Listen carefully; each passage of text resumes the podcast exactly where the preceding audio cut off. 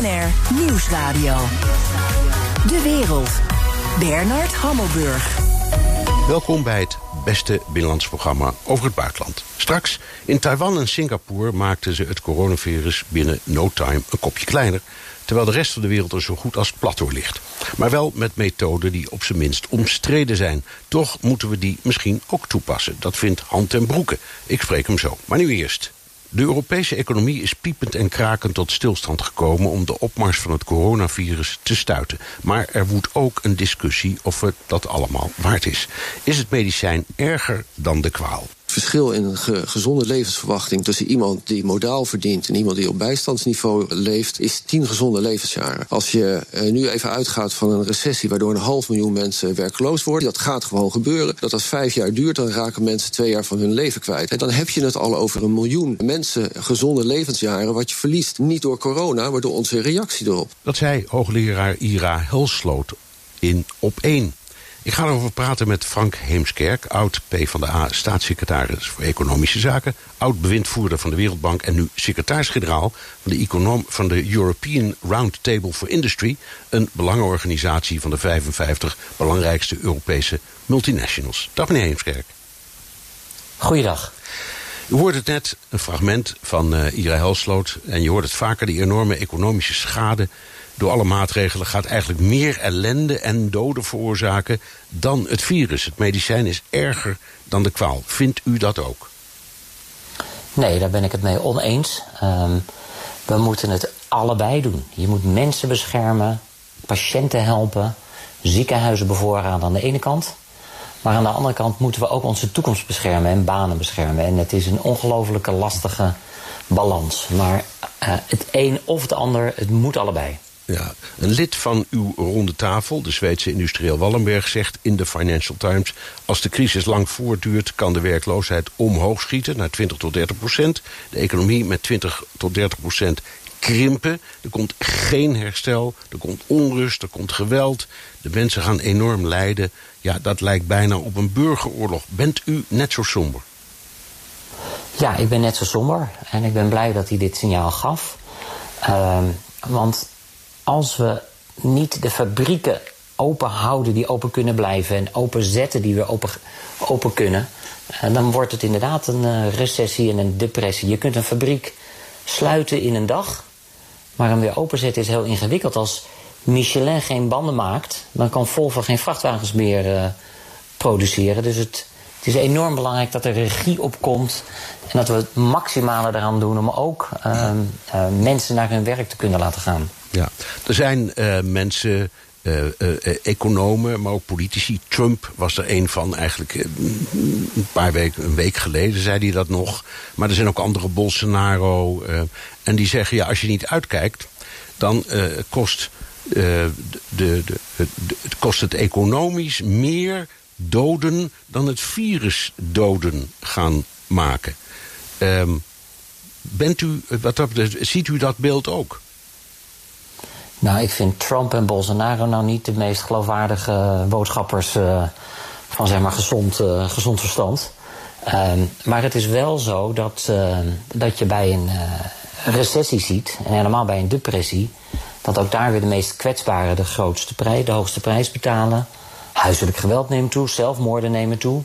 Mensen zijn hun geld kwijt, ehm, er wordt minder geïnvesteerd, scholen draaien minder goed. En dat moeten we dus ten koste van alles zien te vermijden. En ik denk dat dat de boodschap is. En um, dat is nu waar, uh, waar wij ook als European Roundtable for Industry uh, over praten met de Europese politici, Europese leiders. Ja. Welke maatregelen die er nu in Europa zijn genomen kwalificeren wat u betreft als medicijn dat erger is dan de kwaal? Nou, volgens mij sprak het Nederland ook het ministerie van Economische Zaken over de anderhalve meter economie. En ik denk dat we er inderdaad alles aan moeten doen om ervoor te zorgen dat mensen niet alleen naar winkels kunnen, maar dat je ook werkgevers en collega's kunt vertrouwen dat ze maximaal veilig zijn, maar wel proberen de productie aan de gang te blijven. Uh, goederenstromen moeten op gang blijven. We moeten grenzen niet dichtgooien. Je moet niet medicijnen van het ene land naar het andere land tegen blijven houden. Je zag bijvoorbeeld Frans van Houten van Philips gaf een mooi voorbeeld. Hè. Die maken de beademingsapparatuur in Amerika. En die halen geloof ik 600 eh, verschillende onderdelen uit 30 verschillende landen binnen om uiteindelijk dat apparaat in elkaar te zetten. Ja. Dat moet je niet tegen willen houden. Nee, maar nou, je moet het ook niet alleen voor Amerika maken. Maar dat probeerde Trump wel, althans de regering Trump... omdat die zeggen, ja, die fabriek staat in Amerika... onder die noodwet die is ingeroepen... Uh, moet dus de eerste productie voor Amerika zijn. En dat kan dan toevallig wel een Nederlands bedrijf zijn... maar daar hebben we niks mee te maken. Staat in Amerika. Is dat het ja, maar dan heb je dus... Ja? Ja. maar dat is dus precies het verkeerde medicijn voor de kwaal. Dus protectionisme is echt een verkeerde oplossing. Wat je wel zult gaan zien na die crisis, is dat bedrijven en landen zullen nadenken over hey, uh, die hele lange waardeketens over de hele wereld en die productieketens en die, die toeleverancier. En het afhankelijk zijn van één land voor alles. Is dat wel wat we willen? Dus uh, moeten we inderdaad niet voor zorgen dat Europa weer sterker wordt en dat we op de goede manier diversificatie brengen. Maar dat vind ik eerlijk gezegd een oude wijsheid. Hè? Dat, je, dat je niet al je eieren in één mandje doet en dat je je risico's spreidt. Ja, maar u zei, um, je moet wel zorgen dat uh, de ketens op gang blijven. Uh, dat productie doorgaat, dat dat niet tot stilstand komt. Maar hoe dan? En geef dan eens voorbeelden van dingen die... U gaf net het voorbeeld van die uh, Michelin-band. Je kan ook zeggen, nou koop dan banden in China, want dat draait het allemaal weer. En trouwens, Volvo is een Chinees bedrijf, dus dat kan ook. Um, maar goed, los daarvan, um, wat moet dan, um, laten we zeggen, in economische zin wat meer nadruk hebben dan het nu heeft? Uh, vergeleken bij alle nadruk op de ramp in ziekenhuizen en corona zelf. Nou, je ziet aan de ene kant natuurlijk dat ik denk dat landen goed gereageerd hebben. Hè. Veiligheid, gezondheidszorg is iets nationaals. Je wil van je eigen premier in je eigen taal horen wat er aan de hand is en, en wat de oplossing is. Vervolgens hebben overheden ook heel goed gereageerd met steunpakketten. Hè, waar er in 2008 nog, um, en zeker ook in het noorden, waarin men misschien te snel is gaan bezuinigen, durft men nu de portemonnee te trekken. Hè? Dus de economie wordt ondersteund door de overheid. Maar dat is uiteindelijk niet houdbaar. Uiteindelijk moet je ervoor zorgen dat, dat de fabrieken weer open gaan. Dat mensen wel naar hun werk kunnen. Dat kinderen wel hun eindexamen kunnen doen met uh, anderhalve meter afstand. Want eerlijk gezegd houden de grotere multinationals dat nog wel even vol, die stilstand. Die kopen dan geen aandelen in, die keren dividend niet uit, maar die hebben over het algemeen nog wel liquiditeiten. Je ziet juist dat de grotere bedrijven zich zorgen maken over hun kleinere toeleveranciers. Als die omvallen met cruciale onderdelen, uh, dan is het openstellen van de fabriek duurt nog langer. Dus vandaar de oproep. Als, als, ik u, als, u, ik begrijp wat u zegt, maar ik zie toch een soort van tegenstelling. U zegt aan de ene kant, die maatregelen die zijn genomen door de overheid ter bescherming van ons allemaal, die zijn uh, goed. Die anderhalve meter is prima, maar je moet toch scholen en fabrieken openen. Hoe dan, wanneer dan en waar? Want dat spreekt elkaar tegen. Ik weet niet of dat elkaar tegenspreekt. Ik denk dat je wel naar je werk uh, kunt. Uh, dus u zegt, wel, hoor, hoor, ik u, hoor ik u nu zeggen... Um, het, uh, die lockdown is eigenlijk fout. Je moet zorgen dat mensen zich aan een aantal regels houden... maar ze kunnen rustig naar hun werk. Ze kunnen niet rustig naar hun werk. Het is allemaal hartstikke spannend. Maar net zoals we er maximaal alles op alles zetten... zodat mensen uh, in de zorg kunnen blijven werken... moeten we er maximaal alles op alles zetten... dat waar nu uh, sectoren van de economie gesloten zijn... en dan heb ik het met name in eerste instantie over de productiekant van de economie...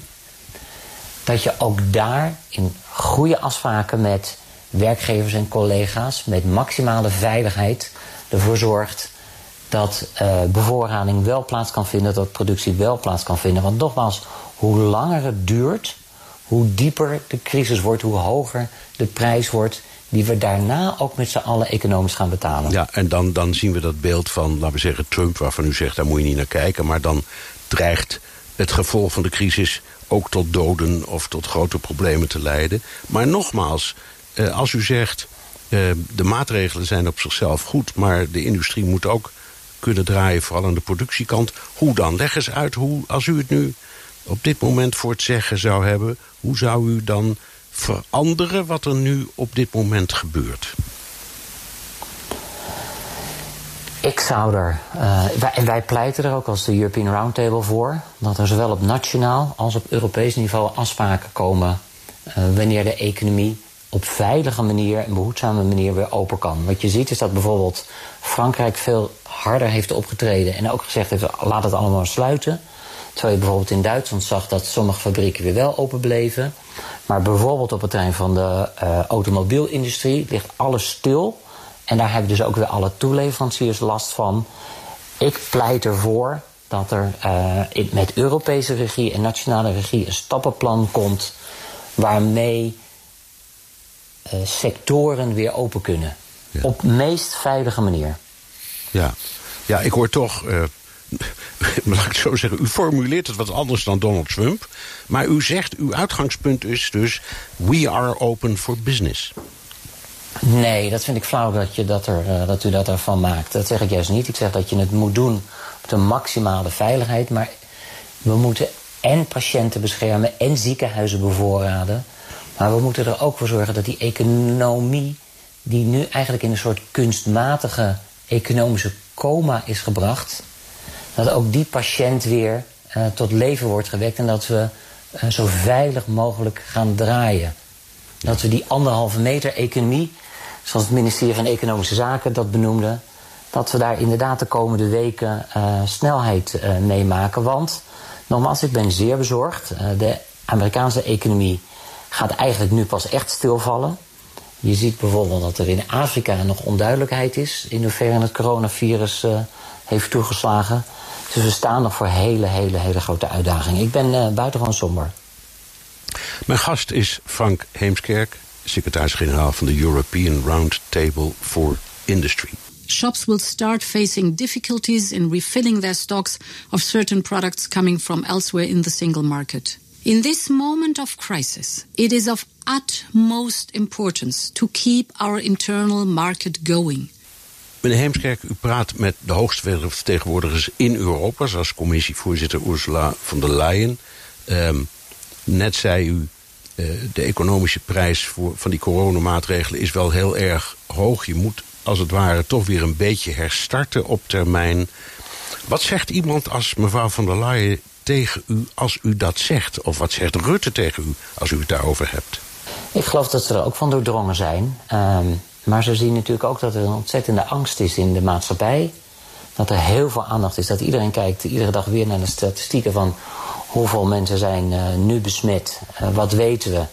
Uh, en, en hoe zijn er extra mensen overleden. En er is enorm veel aandacht voor de bevoorrading van, uh, van ziekenhuizen, beademingsapparatuur, ma maskers. En dat is hand sanitizers. En duidelijke spelregels. Hoe ga je in de maatschappij in je vrije tijd met elkaar om? En dat is dus ook hartstikke goed. Maar wij zeggen, probeer alsjeblieft die balans erin te brengen. Dat je, niet, dat je ook moet kijken naar het beschermen van de mensen in de toekomst. En dat doe je doordat ze een inkomen hebben en een baan. En de kunst is dat we dat in Europa um, uh, zorgvuldig met elkaar afstemmen. Ja, ik, ik begrijp het. Um, en als ik u goed begrijp, zegt u ja, eigenlijk zitten wij um, als grote industrieën en uh, de Europese Commissie en waarschijnlijk ook premier Rutte wat dat betreft al ongeveer op één lijn. Maar die geven ook toch wel heel duidelijk aan. Rutte was er ook heel eerlijk over. Bijvoorbeeld bij het sluiten van de scholen. Waarvan hij zelf zei. Op dat, dat moment, ik zelf geloof daar niet zo in. Maar omdat de samenleving daarop aandringt. En allerlei experts zeggen. Doe het nou maar wel, luister ik. Is dat niet een beetje ook het dilemma? Ook als je, als je het bekijkt vanuit industriële kant. Um, u kunt wel zeggen, ja, we moeten een aantal dingen weer openstellen of herstarten of zo snel mogelijk. Ja, maar je, je vecht ook tegen die enorme massale angst, uh, politieke overwegingen. En ga zo maar door. Is dat een beetje de crux van het probleem? Dat is de crux van het probleem. Als je vervolgens je mond houdt en op geen enkele manier aangeeft dat we een prijs betalen. Het kabinet zei, we gaan nu voor 100% zekerheid, dus we blijven nog maximaal dicht. Ja, net als bij beleggen is 100% zekerheid is buitengewoon duur. Daar is een er is een afruil mee met andere elementen. Dus vandaar dat aan de ene kant ook je ziet dat, dat er grote bedrijven hard nu meewerken waar ze kunnen aan oplossingen. Met het produceren van en het omschakelen van de productie naar uh, beademingsapparatuur met hand sanitizers. Je ziet dat een bedrijf bijvoorbeeld uh, als uh, SAP in Duitsland gezegd heeft: wij helpen, want onze mensen werken vanuit huis, om heel snel software te ontwikkelen, zodat de Duitse overheid kan zien waar Duitsers zitten buiten Europa en op een of andere manier ze getracked en getraced worden, zodat ze terug kunnen komen. Dus je ziet dan op tal van terreinen nu dat bedrijven onderdeel zijn van de oplossing van de gezondheidszorgcrisis. En dat is goed. Maar bedrijven willen uiteindelijk en moeten uiteindelijk ook omzet draaien. Uh, omdat ze anders hun salarissen niet kunnen betalen. En omdat ze anders enorm uh, mensen zullen gaan ontslaan. En de overheid doet het fantastisch goed, ook economisch. Maar uiteindelijk kan de overheid natuurlijk niet, kunnen wij niet met zijn allen de loonsom van de totale private sector voor onze rekening nemen. We hebben wel na 9-11 konden we de vliegtuigmaatschappijen subsidiëren en steunen als maatschappij. We konden als maatschappij wel uh, tijdens de financiële crisis hebben we banken gesubsidieerd en gesteund. Maar de maatschappij kan niet de maatschappij subsidiëren en steunen. Nee. Er is nou, een grens aan. Het is waarschijnlijk de eerste keer in de geschiedenis dat goed draaiende economieën bewust ervoor hebben gekozen om zelf zichzelf stop te zetten om een uh, gezondheidscrisis op te lossen. We, we zetten gewoon de knop uit en we gaan eerst aan dat andere werken. Zegt u nu, dat is misschien niet een handig besluit geweest op die manier. Je moet niet de hele economie stopzetten. Je, je kunt niet de hele economie stopzetten. En dat, gelukkig hebben we dat voor een deel ook niet gedaan. de supermarkten worden nog steeds bevoorraad. De, de landbouw draait. Maar ik hoorde van een collega in Spanje die zeggen... ja, in het voorjaar komen meestal vanuit uh, Noord-Afrika de plukkers binnen voor het uh, fruit en voor de oogst. De vraag is of ze er wel in kunnen komen. Dus we moeten, we moeten alles op alles zetten. Juist ook voor de, de hoge rekeningen in de zorg. En om de mensen die werken in de zorg te ondersteunen. Moeten we alles op alles zetten om waar mogelijk, zo veilig mogelijk de economie maximaal aan de draai te krijgen. laten, we, laten we dat voorbeeld even, even oppakken dan. Die, die plukkers uit Noord-Afrika. Dus er komen mensen uit Libië of Marokko of wat dan ook. Of Algerije, die komen in Spanje, komen ze plukken. Gesteld nou dat de situatie wat, wat gezondheid betreft... dat eigenlijk nog niet toelaat. Wat dan? Wat moet je dan kiezen? Ja, maar dan moet je kijken... kun je op een of andere manier zo snel mogelijk nog meer testen?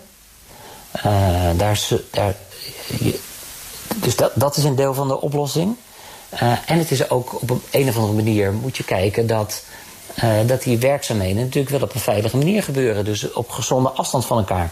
Maar daar hebben al die mensen die in die sectoren werken zelf natuurlijk ook enorm belang bij. We moeten niet onderschatten dat mensen elkaar ook niet willen besmetten. En we moeten ook niet onderschatten dat werkgevers of leidinggevers er ook geen enkele manier op zitten te wachten om onverantwoorde risico's te nemen met hun eigen medewerkers. Nee, dat begrijp ik. Maar het is toch, als ik uw redenering volg, op een moment een beetje of-of. Je kunt niet en-en. Want je kunt, als je zegt, nou, deze industrietak of in de landbouw, het voorbeeld dat u net zelf gaf, zeggen we moeten dat toch op de een of andere manier eh, draaiend houden. Ja, dan moet je kun je zeggen tegen die plukkers... jongens, blijf anderhalve meter uit elkaar. Maar je moet al beginnen met ze binnen te halen. Dat mag volgens de, de, de, de sluiting. Ja, ga, dat, dat, gaat helemaal niet. Ga het gesprek ga als, ga als overheden het gesprek aan met de sectoren. In welke volgorde moeten we open? Dat is al heel ingewikkeld. Maar op heel veel fabrieken zul je ook echt wel zien dat mensen uh, op anderhalve meter afstand van elkaar zullen blijven werken. En ja, dan moeten ze inderdaad niet meer in de kantine naast elkaar gaan zitten. Maar uh, dat hoef je ze heus niet uit te leggen. Zo slim zijn mensen zelf wel en werkgevers ook. Um, u kijkt ongetwijfeld naar de discussie over um, de problemen in Europa. Je kunt zeggen, dit is ook een testcase voor Europa. Hoe groot is de solidariteit onderling? Dan heb je die hele discussie over het overeind houden van uh, Italië. Uh, en Spanje waarschijnlijk. Nederland, dat zei, we voelen niks voor ja, uh, uh, coronabonds, maar het zijn eigenlijk eurobonds. We zijn we altijd tegen, maar we willen dan wel wat geld storten in een apart fonds. Hoe kijkt u tegen die hele zaak aan? Nou, dat, kijk, je zegt Nederland vult niks voor die coronabonds. Dat is natuurlijk niet waar. Uh, de minister nou ja, van en Duitsland en, en deze premier. Nee, wacht nou even. Alleen de minister van Financiën en deze premier, en die hebben het nu wel voor het zeggen, die hebben gezegd: wij zijn er niet voor. Daar is forse kritiek op gekomen, zowel binnenlands van veel economen, maar ik zag ook een artikel bijvoorbeeld van uh, Lodewijk Asscher. Die zei: je moet het wel doen. Dus in Nederland uh, zijn er toch echt wel meerdere inzichten.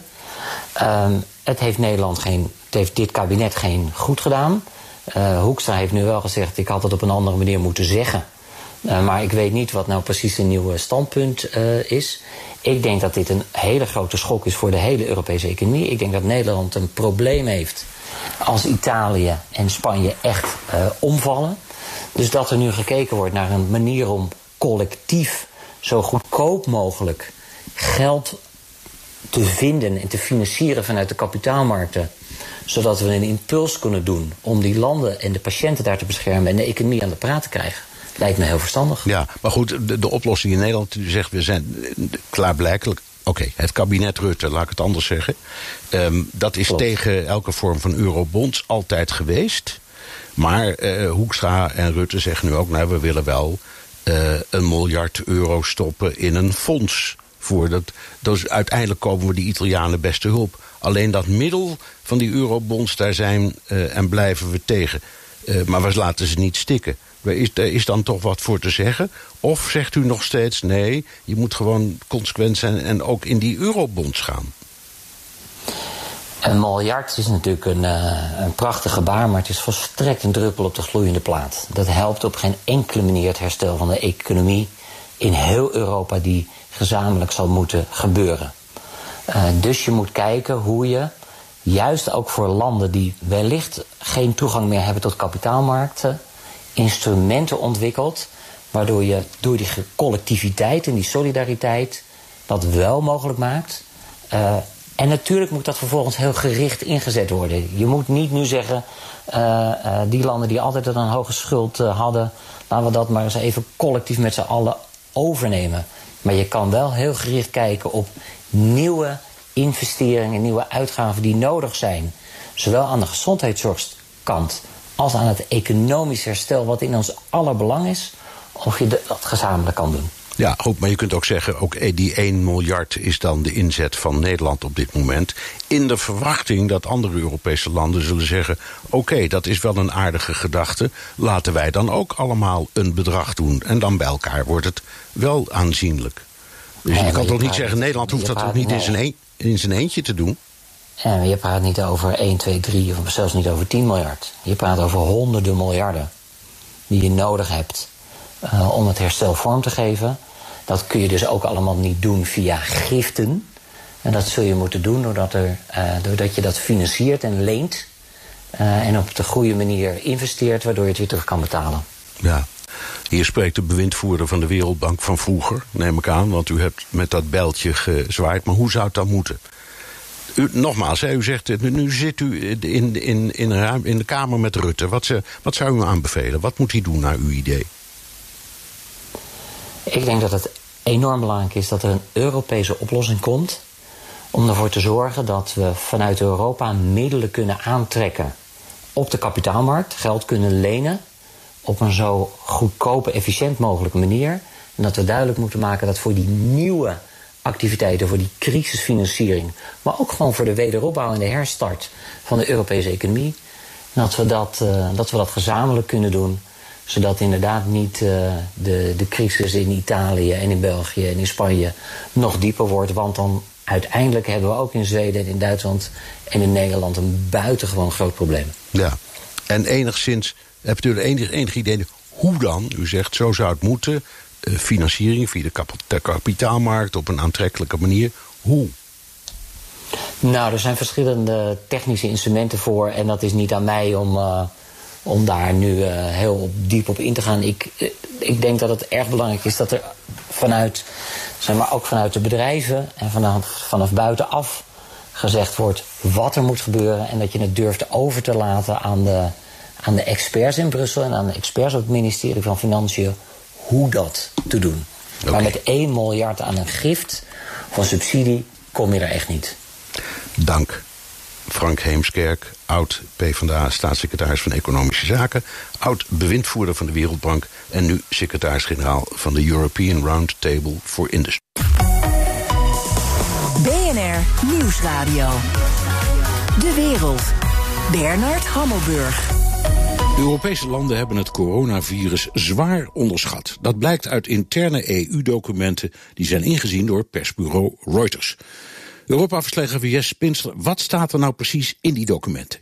Het meest opvallende is toch wel dat ze op 5 februari zeiden dat alles nog onder controle was. En om je even een idee te geven, waar hebben we het over op 5 februari? Dat is twee weken nadat de lockdown in China, 60 miljoen inwoners in en om Wuhan, dat die al in lockdown zaten. Dus dat is ongeveer de gehele bevolking van Italië. En nou ja, in deze alles onder controle notitie stond dus de gezondheidszorgen in alle Europese landen, die kunnen dat coronavirus, als het daar aankomt, kunnen ze het gewoon aan. Maak je geen zorgen. En dat is dus informatie die vanuit de lidstaten aan de Europese Commissie is gegeven en zodoende in die uh, notitie beland is. Ja, en nu is het te laat. Uh, en er zijn overal tekorten. Ja, overal.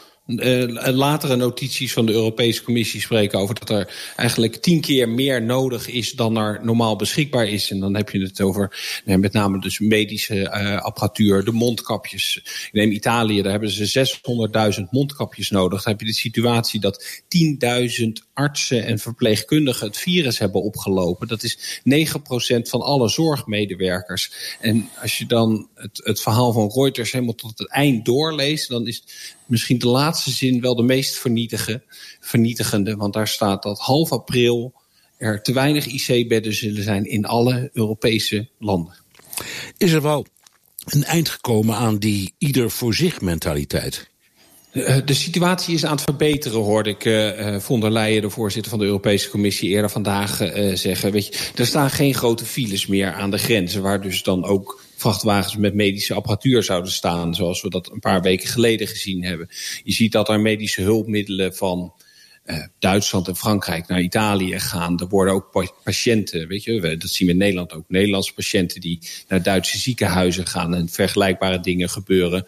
Ook bijvoorbeeld aan de Frans-Duitse grens. Maar um, voordat we al te optimistisch daarover worden, kijk, dat verdelen dat is natuurlijk mooi dat dat gebeurt, maar er gebeurt ook een hoop nog eigenlijk niet. Daarom zegt von der ook, ja, we zijn, de situatie is aan het verbeteren. Weet je, een, een, een klein voorbeeld. Er was een malaria-medicijn. Daar hebben we Donald Trump heel vaak over gehoord. En dat zou helpen tegen het coronavirus.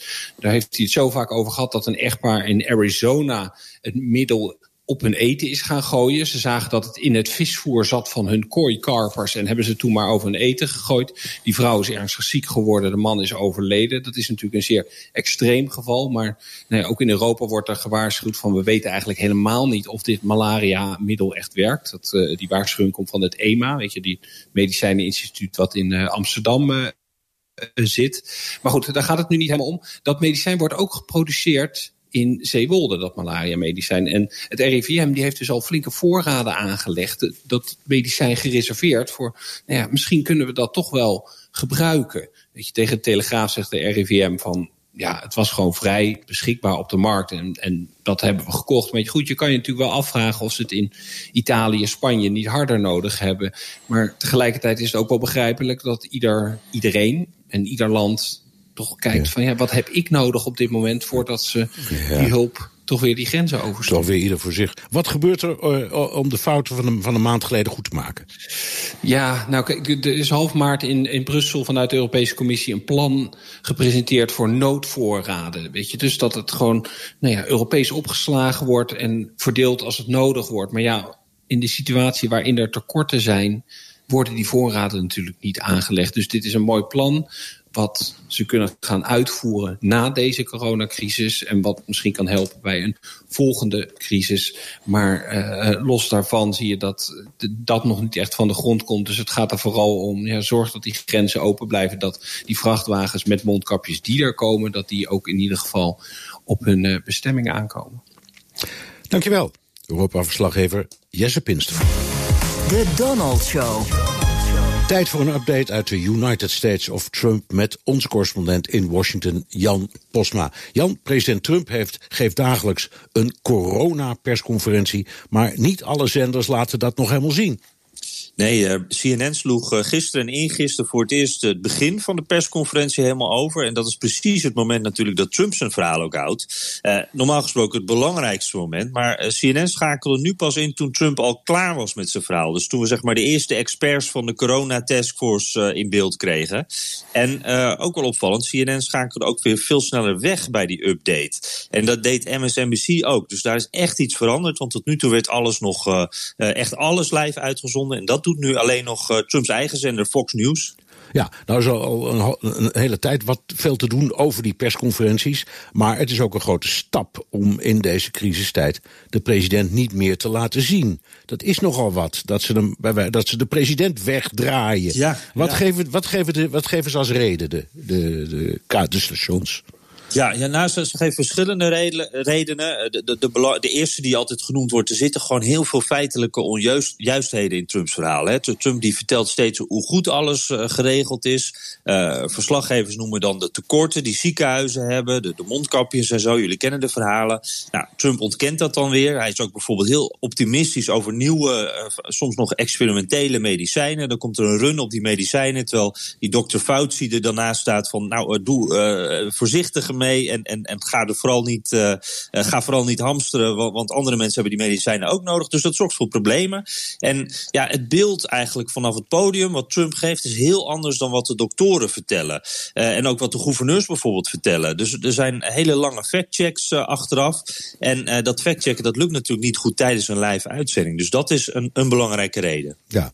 Um Trump maakt er ook een soort uh, politieke bijeenkomst van. Ik, als ik er naar kijk, denk ik, die man staat gewoon campagne te voeren, toch?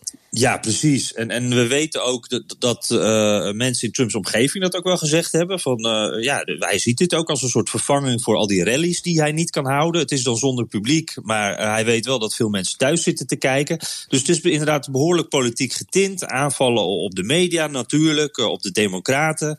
Um, ja, het, het is ook steeds, het neemt ook een beetje toe, zou je kunnen zeggen. Dat, uh, je hebt soms dagen dat hij heel erg op corona gefocust is. En dan zie je ook de reacties van, oh, het, gaat nu echt over waar het om zou moeten gaan. Maar bijvoorbeeld gisteren ging het over drugsmokkelaars die niet mogen profiteren van corona, zegt Trump dan. Er stond het eerste deel, Dr. Fauci en Burks, de, belangrijkste mensen van de taskforce, die stonden er niet eens bij. En ja, nog iets wat meespeelt, omdat het zo lang duurt, is het ook wel wat vervelend voor die networks. Want uh, deze week was er eentje van, van twee uur en tien minuten. Dat is eindeloos dus. Er is geen structuur in dat verhaal. En Trump die gijzelt dan eigenlijk een beetje die uitzendingen. Soms dus wel twee uur lang. Ja. Is er ook kritiek op de beslissing van CNN om de president weg te draaien? Nou ja, vanuit Trump-kringen natuurlijk wel. Daar wordt gezegd, zie je wel, ze censureren nu de president. En uh, nou, nu zien we verslaggever Jim Acosta in beeld in plaats van de president. Is dat nou zo'n vooruitgang? Ja, nou ja, daar, valt wel wat voor te zeggen, ja. Uh, uh, want de president wil je toch zien in tijden van crisis. helemaal op een nieuwszender. Het is echt wel een harde keus dus. Maar ik moet ook wel zeggen, ja, de, de, nieuwsfeitjes die dan in die persconferentie zitten... En, en, de nieuwsdichtheid is niet heel hoog, omdat het zo lang duurt. ja, die worden ook wel snel in die gewone uitzending bij CNN gebracht. Dus ja, censuur, dan ga je ook gewoon naar Fox toch? Of je gaat online kijken. Ja, dat is waar. Maar het blijft ook wel een kijkcijferkanon, hè, Trump? Ja, ja, zeker. Uh, gemiddeld kijken er uh, eh, 8,5 miljoen mensen naar die persconferenties. En maandag waren dat zelfs 12 miljoen. En even ter vergelijking, uh, Monday Night Football, dat is zeg maar de samenvatting van, van de eredivisies in Nederland, daarmee te vergelijken. dat soort kijkers zijn het dan. 12 miljoen mensen. Nou, dat, dat is wel behoorlijk. en daarbij ook Fox News heeft nu het beste kwartaal ooit gedraaid de eerste maanden van dit jaar. En ja, dat komt dankzij Trump mede. En zolang die mensen mensen gewoon blijven kijken naar Fox, uh, gaat Trump denk ik ook niks veranderen.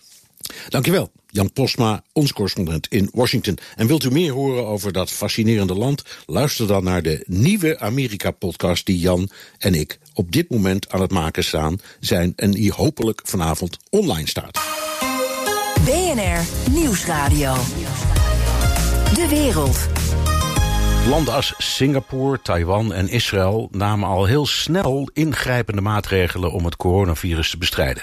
Grenzen dicht, lockdown, maar ook technologie die de privacy van de burgers schendt. Bij ons Every week, tens of thousands of people travel between Taiwan and mainland China. Yet there are fewer than 80 cases of COVID 19 in Taiwan, tied together electronic patient files to immigration records, following up with those at risk based on their travel history, texting them to self isolate if needed, and checking up in person, threatening fines if orders are ignored. Ik ga erover praten met Han ten Broeke, directeur politieke zaken van HCSS, het Den Haag Centrum voor Strategische Studies. Dag Han. Dag Bernard. Volgens het uh, rapport van HCSS kunnen we die methode als een land als Singapore bijvoorbeeld uh, ook best hier inzetten. Maar dan denk ik meteen, ja, dat is een politiestaat, een dictatuur, hoe je het maar wil noemen. Gehoorzaam volk. Uh, we zijn een, uh, het is een eiland. Uh, met een paar brugverbindingen naar Maleisië. En wij zijn ongeveer het diametraal tegenovergestelde. Wij zijn ongeveer het meest open land in de wereld. Dat kan je dan toch niet vergelijken? Ja, toch wel. Um, en natuurlijk dus, um, de landen uh, die nu als succeslanden worden aangemerkt, met name de landen in Azië, zijn vaak landen met een hele sterke staat, autoritaire staten zelfs, of zoals jij het noemt, een politiestaat. Kijk, in Singapore zijn burgers heel erg gewend dat uh, de overheid diep achter hun voordeur uh, naar binnen kijkt. Um, en daar ook technieken bij gebruikt. Als je daar naar een huisarts gaat um, die opent zijn scherm en die heeft je pasje gebruikt, dan kan die bij wijze van spreken ook direct zien welke reisbeweging je hebt gemaakt. En als je dan niet te veel later een bezoekje krijgt van de politie, dan is dat allemaal mogelijk. En dat is natuurlijk in een open, vrije democratie als de Nederlandse, maar dat geldt voor de meeste Europese landen, is, dat, is dat ondenkbaar. En toch hebben wij uh, bij HCSS um, gekeken naar of er lessen te trekken zijn uit de wijze waarop landen als Taiwan, Singapore, Zuid-Korea en inderdaad ook uh, natuurlijk China, uh, maar aan de andere kant ook weer Israël, hoe die nu eigenlijk met deze pandemiebestrijding en het gebruik van digitale middelen zijn omgegaan. En dan zie je zelfs dat in Singapore uh, zaken zijn waar wij wat van kunnen leren. Ja, ik, ik, kom er direct nog even op, op terug, maar ik, ik wil toch nog even kijken naar uh, de landen zoals zo, hè, die, die je noemt. Israël noem je, dat is ook een land dat kun je eigenlijk dat kun je alleen maar bereiken via de luchthaven of de zeehaven.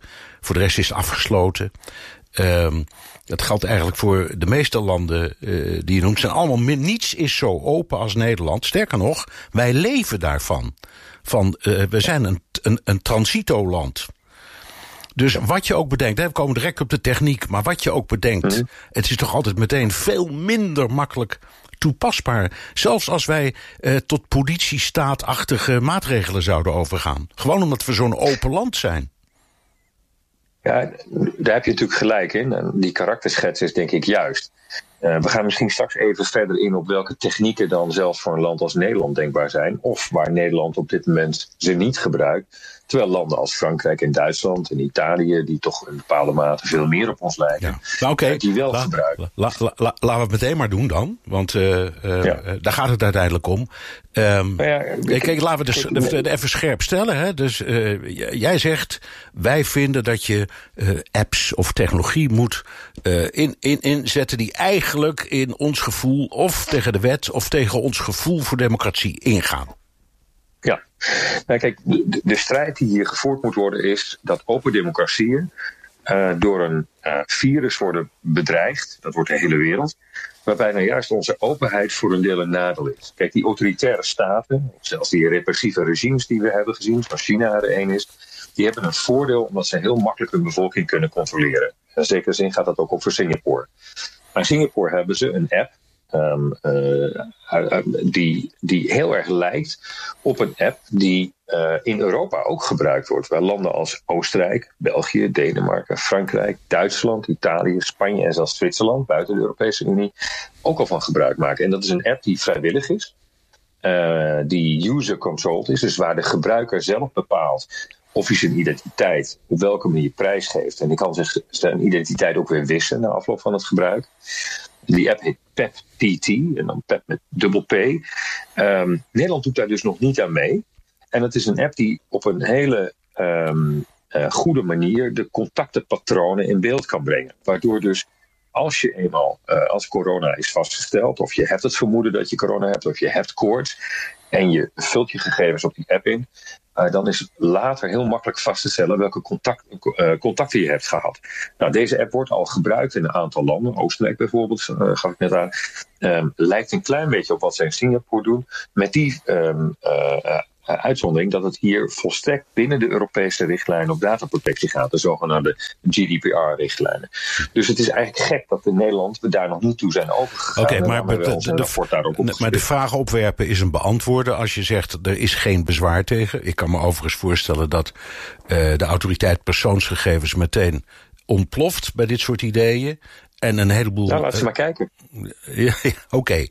maar ja, dat moeten ze je, je zegt er zijn een heleboel uh, democratische landen uh, in onze eigen Europese Unie of uh, Zwitserland, wat daar dan officieel geen deel van uitmaakt, die doen het wel. Waarom doen wij het niet? Exact. Nou, dat antwoord heb ik dus niet. Maar wij vroegen ons dat af. We hebben gekeken naar, nogmaals, een aantal Aziatische landen. En sommige daarvan die gebruiken methoden die wij nooit zullen of willen overnemen. Um, maar er zitten ook um, voorbeelden bij die aangepast weliswaar wel degelijk in Europa toepasbaar zijn. En je ziet dat nu ook in een aantal landen gebeuren. En Nederland doet daar dus niet aan mee. Nee, maar je, je noemde er net één die al bestaat in Europa. Dus ja. waarvan jij zegt, ja, dat zou in Nederland eigenlijk ook zo kunnen. En de vraag is, ja. waarom gebeurt dat niet? Je zegt, ik weet het ook niet. Uh, nou ja, in Singapore heet die Trace Together. Hè? Ja, ja, en dan die andere. En dan die andere. Wat, je, wat zie je in die Aziatische landen wat ook zou kunnen in bijvoorbeeld Nederland? Nou ja, het voorbeeld wat ik net gaf is een app. Dus dat is een, uh, ja. daar gaat het initiatief uit van de gebruiker. Uh, die dus uh, zelf bepaalt hoeveel gegevens hij aan die app prijsgeeft.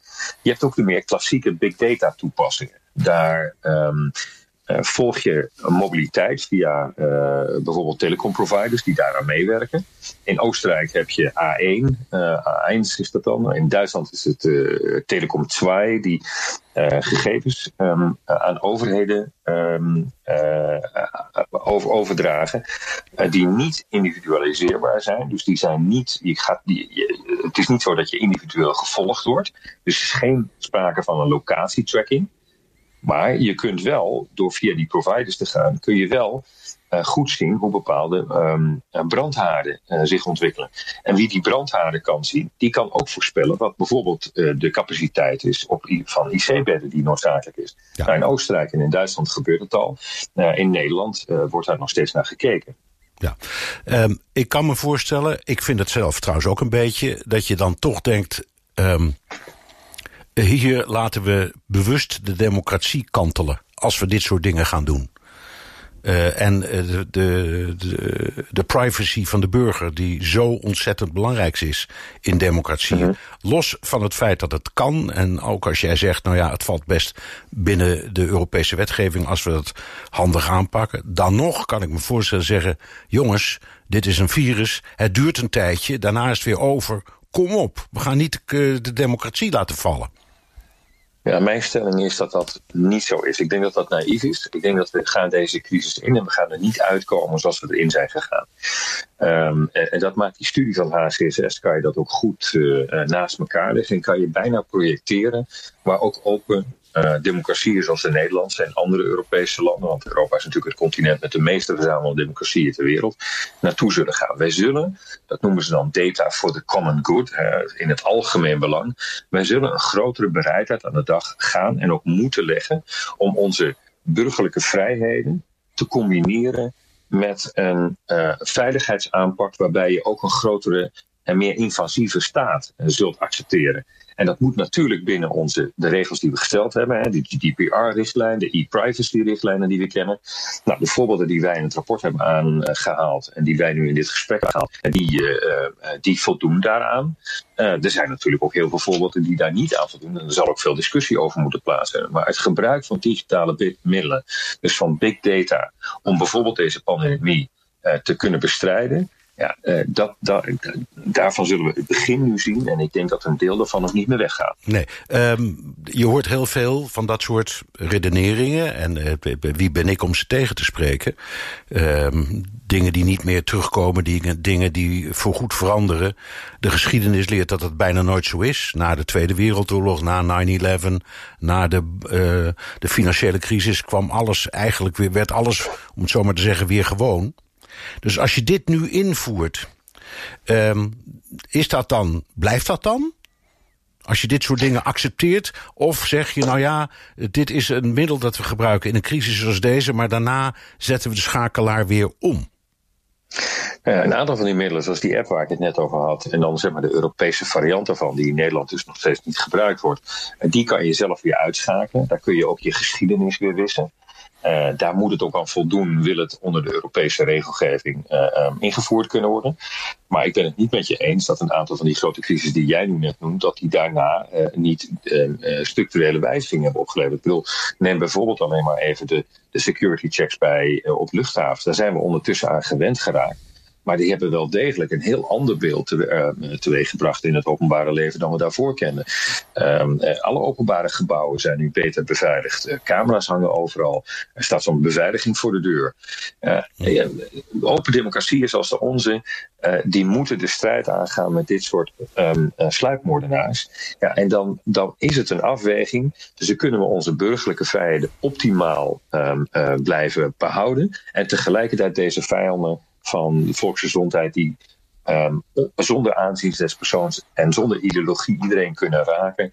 Um, hoe kunnen we die, dat we die toch effectief kunnen ja. bestrijden? Ja, die persoonscontrole vind ik een prachtig voorbeeld wat je geeft overigens. Vlieg, vlieg, en die camera's en zo. Die camera's kun je niet zoveel tegen doen, vrees ik. Maar um, je kunt wel iets doen tegen de, de, de bagagecontrole op een vliegveld. Want dan ga je gewoon niet weg. Ik bedoel, ik heb de optie om het dan niet te doen. Terwijl in ja. wat jij of wat HCSS nu bedenkt, ik die optie niet heb.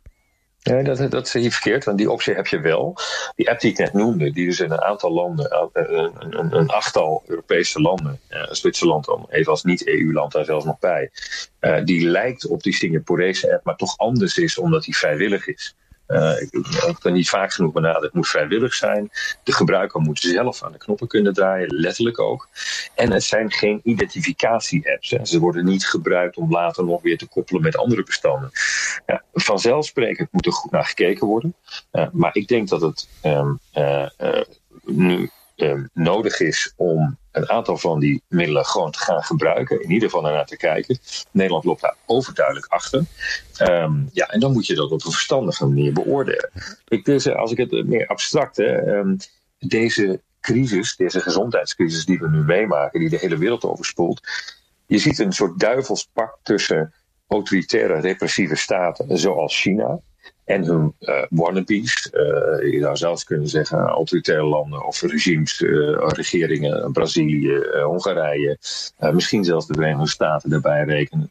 Um, die aan de ene kant um, informatie onderdrukken.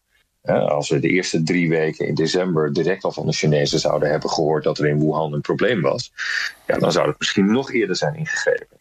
Daarna grijpen de Chinezen in. Dat doen ze dan ook, zoals een autoritaire staat dat kan doen. Bijzonder effectief. En naar het zich laten aanzien ook succesvol. Maar kijk nou eens naar, naar een land als Taiwan. Dat altijd heel goed China volgt. Taiwan heeft heel weinig doden, heel weinig besmettingen. En dat komt omdat zij in december al door hadden dat er meer aan de hand was. En die les hebben ze geleerd uit SARS en uit eerdere uh, crisis. Dus zij geloven de Chinezen niet op hun.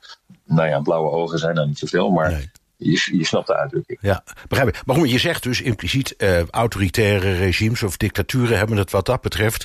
om het zomaar te zeggen, makkelijker. Ja, zij kunnen zowel op het, um, daar waar je, je kunt ingrijpen, als er nou om een lockdown gaat of uh, allerlei verplichtingen die je aan burgers oplegt, kunnen zij natuurlijk veel verder gaan. En is de acceptatiegraad aan de kant van de burgers ook veel groter, want die hebben geen mogelijkheid om daar zich tegen te weer te stellen. Nou, dat doen we in Europa gelukkig anders. Nou ja, dat doen we, je, je noemde zelf al uh, Hongarije. Orbán doet het wel. Met dezelfde, ja. met dezelfde argumentatie zet hij uh, de knop van de democratie weer een stukje verder terug. Ja, een fors stukje zelfs. Um, en ik zeg dus ook niet dat het beeld in heel Europa hetzelfde is. Maar dat is juist het probleem van Europa.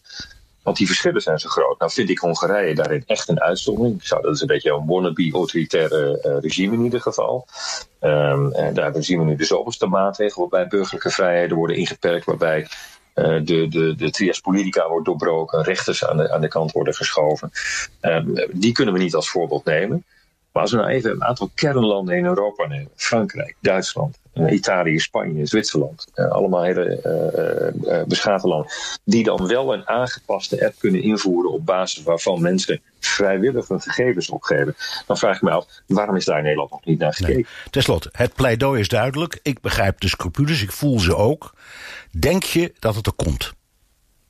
Ja, ik ben ervan overtuigd dat het er gaat komen. Een aantal van deze maatregelen gaan gewoon ingevoerd worden. En daarna komt ook de roep, en die zouden we nu al moeten hebben, uh, van hoe, hoe kan Europa daar in ieder geval een gelijke maatstaf aanleggen? Want die datarichtlijn, dat is een Europese. Die privacyrichtlijn, dat is een Europese. Uh, en het vervelende uh, van die Europese samenwerking is nu juist dat we op het gebied van gezondheid en zeker ook in de combinatie met veiligheid, Europa natuurlijk geen bevoegdheden hebben gegeven. Dus Europa kan heel weinig meer doen dan ook van haar kant vrijwillig op coördinatie aandringen. Nou, je hoeft maar uh, te kijken naar alle voorvallen die we de afgelopen weken gezien hebben met trucks met um, uh, mondkapjes die uh, ineens niet meer de grens overkomen. Terwijl we dachten dat we die problemen in Europa nu wel hadden opgelost. Om te zien dat, dat, nog, dat daar nog een hele lange weg te gaan is. Dank. Han ten Broeke, directeur politieke zaken van het Den Haag Centrum voor Strategische Studies. En tot zover BNR De Wereld. Terugluisteren kan via de site, de app, Spotify of Apple Podcasts. Reageren kan via mailtje naar dewereld.bnr.nl. Tot volgende week.